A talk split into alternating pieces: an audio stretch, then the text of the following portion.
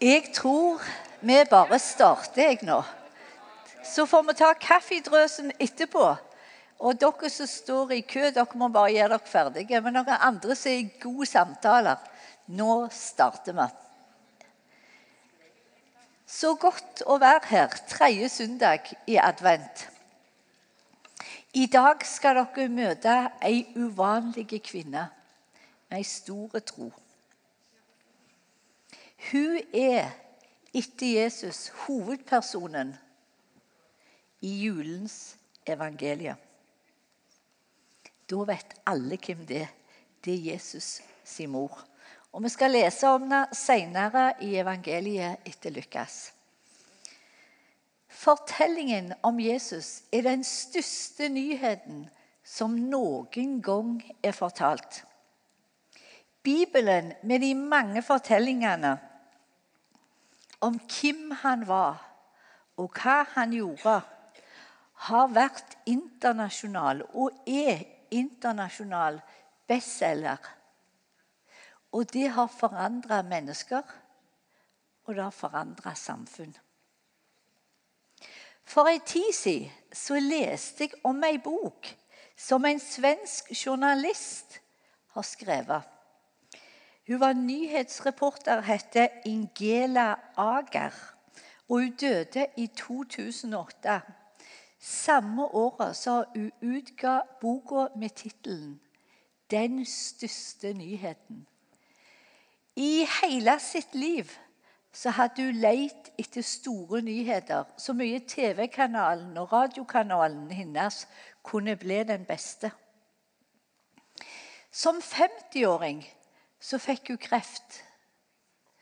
Og når kreften begynte å ta tak i kroppen hans, så bare opplevde hun at eh, hun begynte å tenke på døden. Og hun ble mer og mer deprimert. Det hun valgte å gjøre da, vet du hva det var? Hun gikk i hylla, og så fant hun Bibelen. Og så begynte hun å lese om Jesus.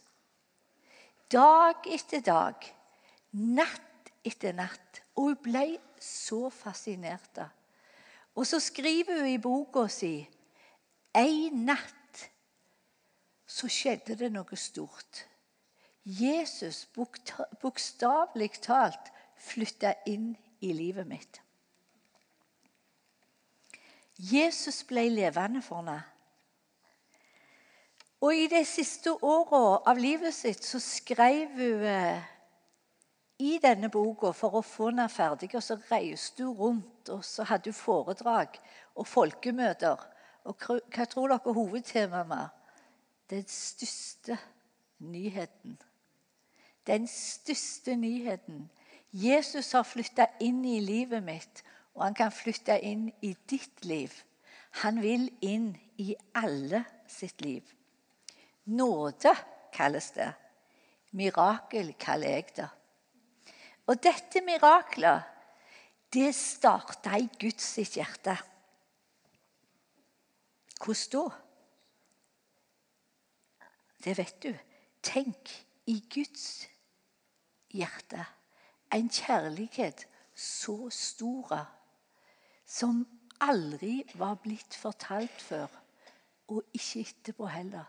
Det er den største kjærlighetserklæringen som noen gang er blitt rekt oss. Og så sier han For så høyt elska Gud verden, at han ga sin sønn den enbårne. Hør, for at hver den som tror på han, ikke skal gå fortapt, men ha evig liv. Og alle de som tok imot han, de ga han rett til å bli Guds barn. Hør dette evangeliet. Grip det med hjertet. Ta imot. Ta imot kveld. Og la dette budskapet virkelig bare røre hjertet ditt. Nåde så stor. La oss lese Lukas evangeliet. Ikke hele, altså. Da trodde dere dere skulle bli værende her i hele kveld. Men det skal dere ikke. Vi skal lese om budskapet til Maria. Men da Elisabeth var i sjette måned, ble engelen Gabriel sendt fra Gud til en by i Galilea som heter Nasaret, til ei jomfru som var lova bort til Josef, en mann av Davids sett. Jomfruens navn var Maria. Engelen kom til henne og sa, 'Vær hilset, du som har fått nåde fra Herren.' Herren er med deg. Hun ble forskrekka over engelens ord og undra seg over hva denne hilsen skulle bety. Men engelen sa til henne, 'Frykt ikke, Maria, for du har funnet nåde hos Gud.' Hør, du skal bli med barn og føde en sønn, og du skal gi ham navnet Jesus. Han skal være stor og kalles den høyeste sønn. Og Herren Gud skal gi hans far Davids trone. Han skal være konge over Jakobs hus til evig tid. Det skal ikke være ende på hans kongedømme. Maria sa til engelen, 'Hvordan skal dette kunne skje når jeg ikke har vært sammen med noen mann?' Engelen svarte, 'Den hellige ånd skal komme over deg.' og den høyestes kraft skal overskygge deg. Derfor skal barnet som blir født, være hellig og kalles Guds sønn. Og hør, din slektning Elisabeth venter en sønn, hun også på sine gamle dager. Hun som de sa ikke kunne få barn, hun er allerede i sjette måned. For ingenting er umulig for Gud. Da sa Maria, Se, jeg er Herrens tjenestekvinne. La det skje med meg som du har sagt.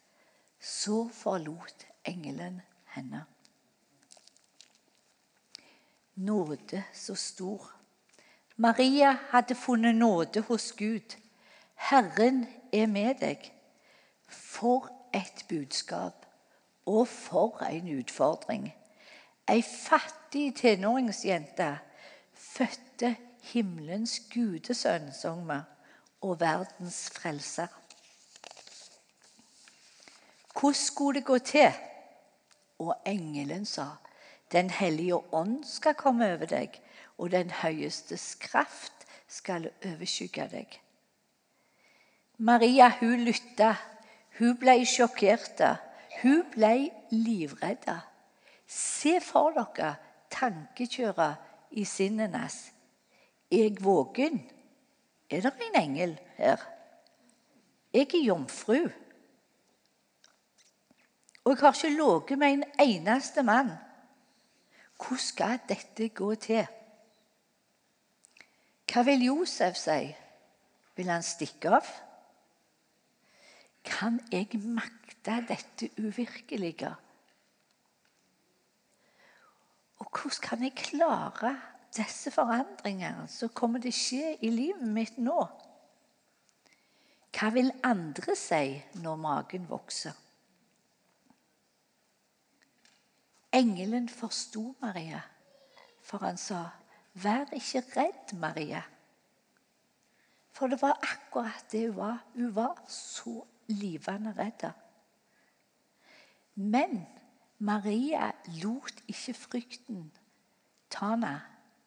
Hun trodde Gud, og hun valgte å stole på Gud. Hør, når Gud bruker mennesker, når Han skal gi ut av sin kjærlighet gjennom meg og deg, så blir det spenning. Så blir det utfordring i menneskesinn men Gud vet hvem han vil berøre.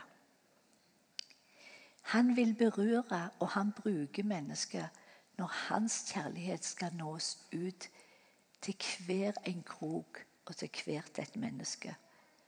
Tenk at han bruker mennesker. Tenk at han bruker meg og det. Jeg syns det er kjempeufattelig, jeg. For jeg kjenner iallfall godt meg sjøl. Men han bruker oss. Og han brukte Maria. Vårt forbilde. Gud spør ikke etter de perfekte, men etter de som vil være med på det han gjør. Selv om vi ikke forstår det som han spør oss om, eller rekkevidden av det som skjer. Skal du få en god setning som jeg har skrevet sjøl. Jesus spør ikke etter din kompetanse, for den har han sjøl. Hadde jeg vært Leif Hetland, så hadde jeg sagt 'si det med meg'. Jesus spør ikke etter min kompetanse, for han har han sjøl. Hans spørsmål er alltid om du vil være med på det som han gjør. For kun ved det vil mennesket våge å tro hans kjærlighet og omfavne hans nåde. Det handler ikke om deg. Det handler om hans nåde. Og han elsker å bruke mennesker. Jo da, Maria kunne argumentert at du var for unge. Hun kunne sagt at jeg er altfor opptatt med bryllupsforberedelser. For det at du var jo forlova med Josef. Og kunne sagt det til ham det var neppe en slik en situasjon, en slik en mor, gudesønnen skulle ha. Og jeg er altfor fattig til at det vil si at han er en kongssønn. Hun kunne fortsette og fortsette og fortsette og argumentert, men hun gjorde det ikke. Isteden så lyder det Jeg leste det. Se, jeg er Herrens tjenerinne. For et svar fra Maria. Når jeg har grunna på det, så har jeg tenkt For et svar, Maria. Det måtte komme ifra dypet av hennes indre. Jeg er Herrens tjenerinne. La min vilje skje med, La din vilje skje med mitt liv, uansett og uansett pris. Derfor er det jul, folken. Derfor er det englene jubler. Himmelens dør ble slått opp helt hvitt og frelse ble gitt til mennesket, til meg og deg. Det er utrolig. Og da må jeg lese ordet fra 1. Johannes til dere.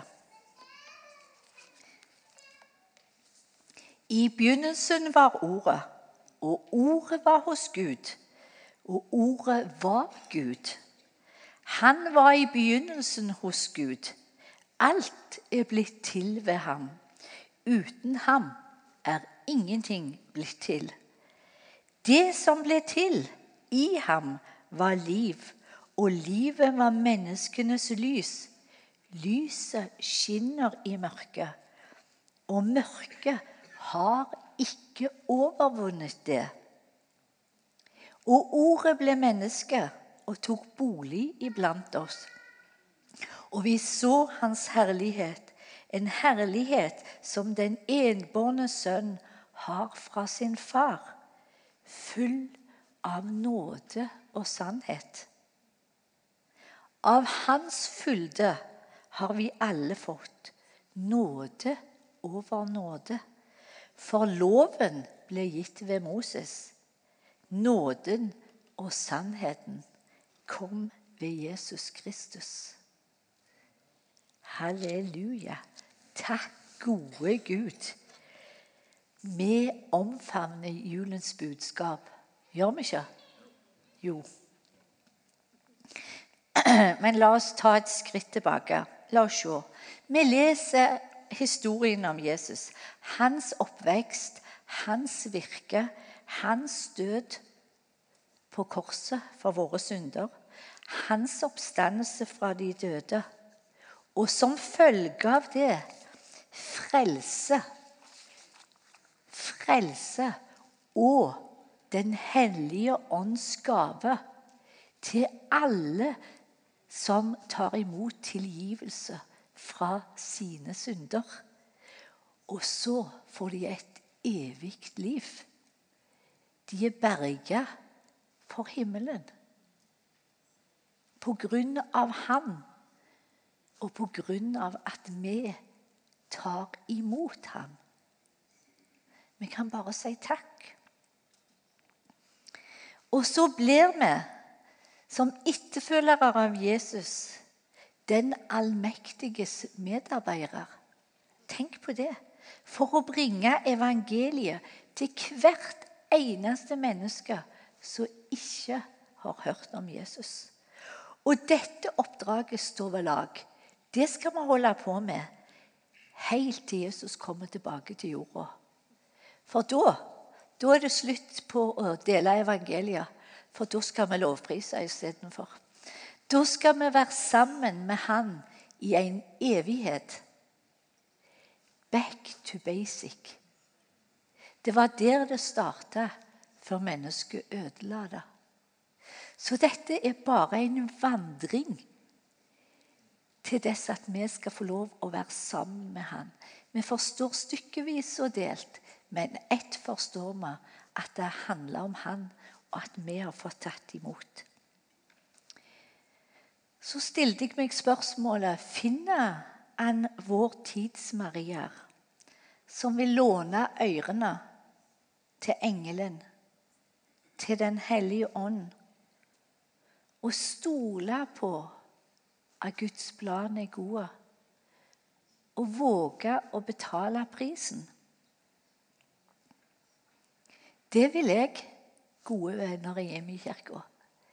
Det har jeg levd mitt liv for, og jeg brenner for det. Og jeg vil holde på til Jesus kommer igjen.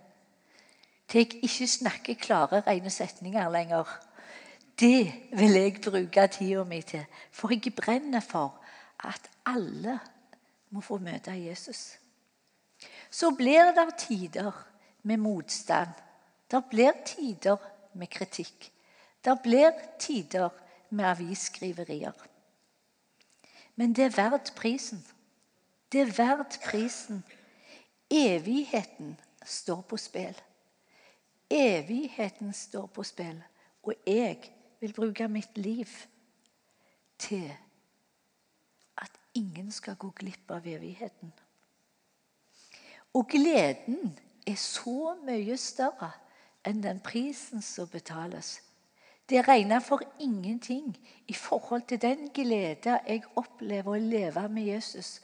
Å leve sammen med dere her i Imi-kirka og se Guds inngripen i menneskers liv til helbredelse, til nytt liv, til gjenopprettelse til frihet, til godhet. Dette er bare fabelaktig. Det er verdt hver en pris. Maria ønsket Guds vilje for livet sitt. Vi er hans etterfølgere. Vi er hans etterfølgere. Så har han sagt at han er alltid med oss Og ingenting treffer deg før du har truffet Jesus først. Absolutt ingenting. Og hans nærvær er i deg. Og hans nærvær går foran deg. Bare be Gud innstille kanalene dine, så, du, så merker du det. Så vil du erfare det. Hans nærvær går foran deg. I gode dager og i vanskelige dager. Han bruker deg uansett. Du er hans gave til menneskene rundt deg. Tenk igjen på Maria. Verden ble aldri den samme etter at Maria sa ja. Jeg er din tjenestekvinne. På samme måte så er du Guds gave. Tenk på noe så stort. Du er Guds gave til omgivelsene dine, til familien din, til skolen din. Ja, du kan sette navn på de du går iblant. Du er Guds gave. Og hans nærvær er med deg. Og hans nærvær går foran deg. Og da må vi lese et ord til fra Lukas 4. Og da skal du sette ditt eget navn inni der. Så skal du høre det kallet du har fått over livet. Herrens ånd er over meg, for han har salva meg til å forkynne et godt budskap for de fattige. Han har sendt meg for å rope ut at fanger skal få frihet, og blinde skal få syn igjen, og for å sette undertrykte fri. Og rope ut et nådens år fra Herren. Det er litt av et kall, og det er litt av et løfte. Det er det vi skal få vandre i. Her sitter vi mange her i Jimmy nå. Og på et vis så har vi kommet og vil komme inn i mange ulike situasjoner som vi må ta et valg på. Og da hender det at det er områder som du ikke har noe oversikt på. Men jeg håper du har fått med deg hva Bibelen sier. Det kjennetegner de fleste historiene i Bibelen. Der Jesus Gud brukte mennesker, og der Den hellige ånd brukte mennesker. Bare les. Med de øynene så vil du se det. At han har brukt mennesker og så har han utøst sin kjærlighet. Da jeg var 24 år gammel, så møtte jeg ei ung jente på 17 år. Hvis historie var sterkt preget av rus og ødelagt liv. Ei vakker jente som hadde opplevd at viktige personer i hennes liv svikta henne fundamentalt og utnytta henne grovt. Bokstavelig talt så ga de henne død istedenfor liv. De ga henne frykt istedenfor fred og tvil istedenfor tro. Da jeg møtte henne for første gang ute på gata der jeg var ute og fortalte om Jesus, så sa Jesus til meg hun skal bli en stor del av ditt liv. Og jeg sa ja, og det ble hun. Jeg hadde ingen forutsetninger for å møte Inger på hennes ulike behov. Naivt var det noen som sa til meg. Du har ingen kompetanse på dette området. Og det var sant. Men Jesus han hadde både kompetanse og han visste hva som lå foran meg. Nettopp det ble utgangspunktet for vandringen med denne dama. Og takk og lov at jeg ikke visste. Hadde jeg tørt vandringen, om jeg på forhånd visste om alle de vanskelige veistykkene som lå foran oss. Jeg hadde ikke kompetansen, men Gud hadde. Men jeg trodde Gud for meg sjøl, og jeg trodde Gud for Inger.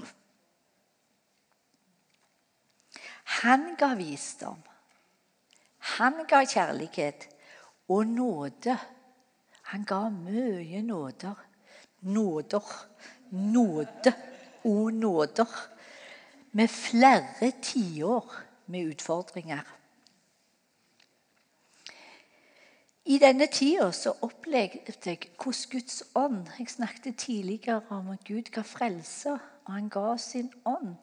For Gud ga meg bilder og visdom om hvordan han så Inger og hva framtid han hadde for Inger.